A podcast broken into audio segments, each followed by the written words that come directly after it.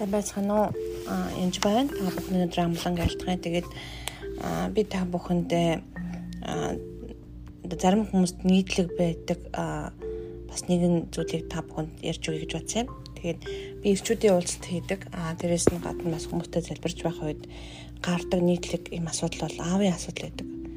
Үнэхээр тухайн хүн нэг бол аавгүй бутаж өссөн, эсвэл аав нь зоддог, аав нь асуудалтай, аав нь архиудаг, аав нь одоо хүнтэй явуулсан, аав нь салсан гэдэл үнэхээр баг сайн амыг тоодвол уруу дарам тэмцүүхэн байгаа. Тэгээд эрэгтэй хүмүүс рүү дайрсан дайралт маш их байгаа гэдгийг ажигладаг. Тэгээд гол нь аавд нь шүүх гэхээс илүү тэрнээс үлдсэн шархыг эдгээгээд хүүхдийн эдгээгээд аавта боломжтой болгос уучлаад цэвэрлээд боломжтой ч гэхгүй ер нь л уучлал цэвэрлэх хэрэгтэй.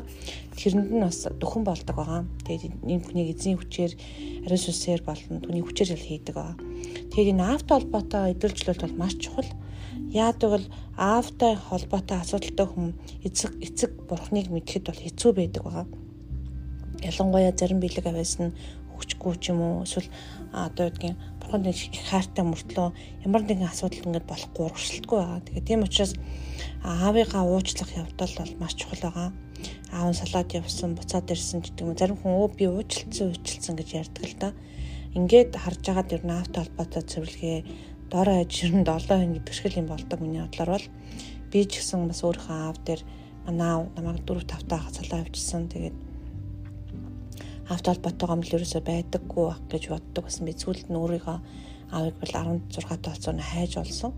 Тэгээд хаяа нэг очдог. Тэгээд золох гэж очдог. Тэгээд хүндэтгээд очдог. Тэгтээ ер нь л авто автогаа тийм дотны харилцаатай биш. Тэгээд нэлийн уучлал цэвэрлж явуулсан боловч сүүлд бүр одоо 3 жилийн өмнө штэ би нэгэн сургаал ном сонсож байх үед дэлбэртлээ уйлсан байгаа уйлаад гэсэн уйлаад гэсэн зогсдгүй миний хүүхдүүд намайг тэр дээж зүгүрүү та гэдэг.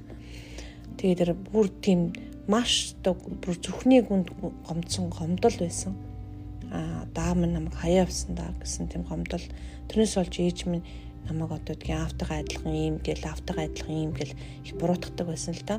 Царай зүч юм уу байж байгаа адилхан би ядчих та автагаа адилхан. Тэс ээж бас авт гомцсон гомдол нь руу бас гаргадаг байсан юм шиг байгаа хөрхий. А тухайн үед бол би ерөөсөө тоодгүй байсан. Одоо ч нэг тоодгүй байсан. Тэгээс сүүлд яг ингээд сүнсээр мэдрэх үед маш их тийм гомцсон гомдол байт юм билээ. Тэгээд 2 дугаар Коринтын 6-гийн 18 дээр та нарын эцэг чинь болно. Та нар ч миний хөвгүүд дохид болно гэж хэлсэн байгаа. Тэгэхээр бурхан аав бидний миний чиний би чиний аав чинь болоо шүүж хэлж байгаа байхгүй. Та нар миний хөвгүүд дохид болно гэж. Үнэхээр үн хүндтэй сайхан зүйл хүчтэй эзэн альтаа гэж 20 Коринтын 6-18. Тэгэхээр би та нарын эцэг болно гэж хэлж байгаа. Та нар ч миний охид өгөөд болно гэсэн үг шүү дээ. Тэгэж бурхан өөрөө айлцсан гэсэн үг.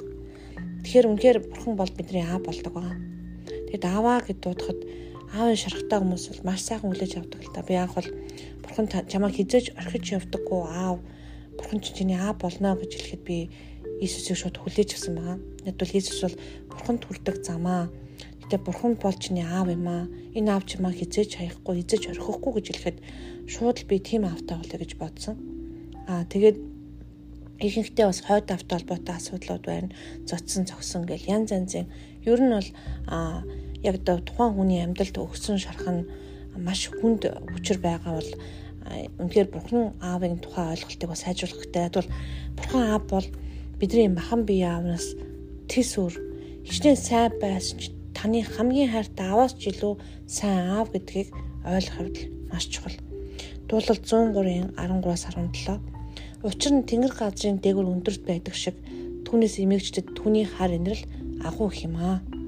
Өрөнд орноос хол байдаг шиг тэр бидний алдаа зурчлыг биднээс тгийн холдуулсан. Эцэг хүн үр хөвгтдээ өрөвддгийн адил эзэн өрөөс нь эмээгчдийг өрөвддөг. Учир нь тэр өөрөө бидний хэрхэн бүтснийг мэддэг бид бол тоошроо юм гэдгийг тэр санаж байдаг. Хүний хувьд гэвэл түүний өдрүүд өвс ногоо шиг байдаг. Тэр хээрийн цэцэг шиг өсөн хөгждөг. Харин эзний хар инрэл түүнээс эмэгчтэн дээр мөнхөөс мөнхөд болоод түүний зөв шудраг байдал үр хүүхдүүдийн үр хүүхдэд хүрдэг. Дуулал 103-ын 13-аас 17. Тэгэхээр эзний хайр бол үнэхээр онцгой хайр байгаа. Тэгээд бурхан аавыгаа цоошин аавыг таньж мэдэх явдал маш чухал танд Тэгээд аавыг сайн мэдхгүй Бурхны дээр ямар одоо зан чун төлөвтөө ямрыг мэдхгүй Бурхан бол үнэхээр хайр өөрөө хайр байгаа.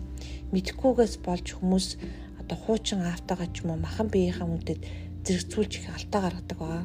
Тийм учраас юуны төрөнд махан биеийнхаа аавыг бүр мөсөн сайн уучлаарай гэж үнээр хэлж байна.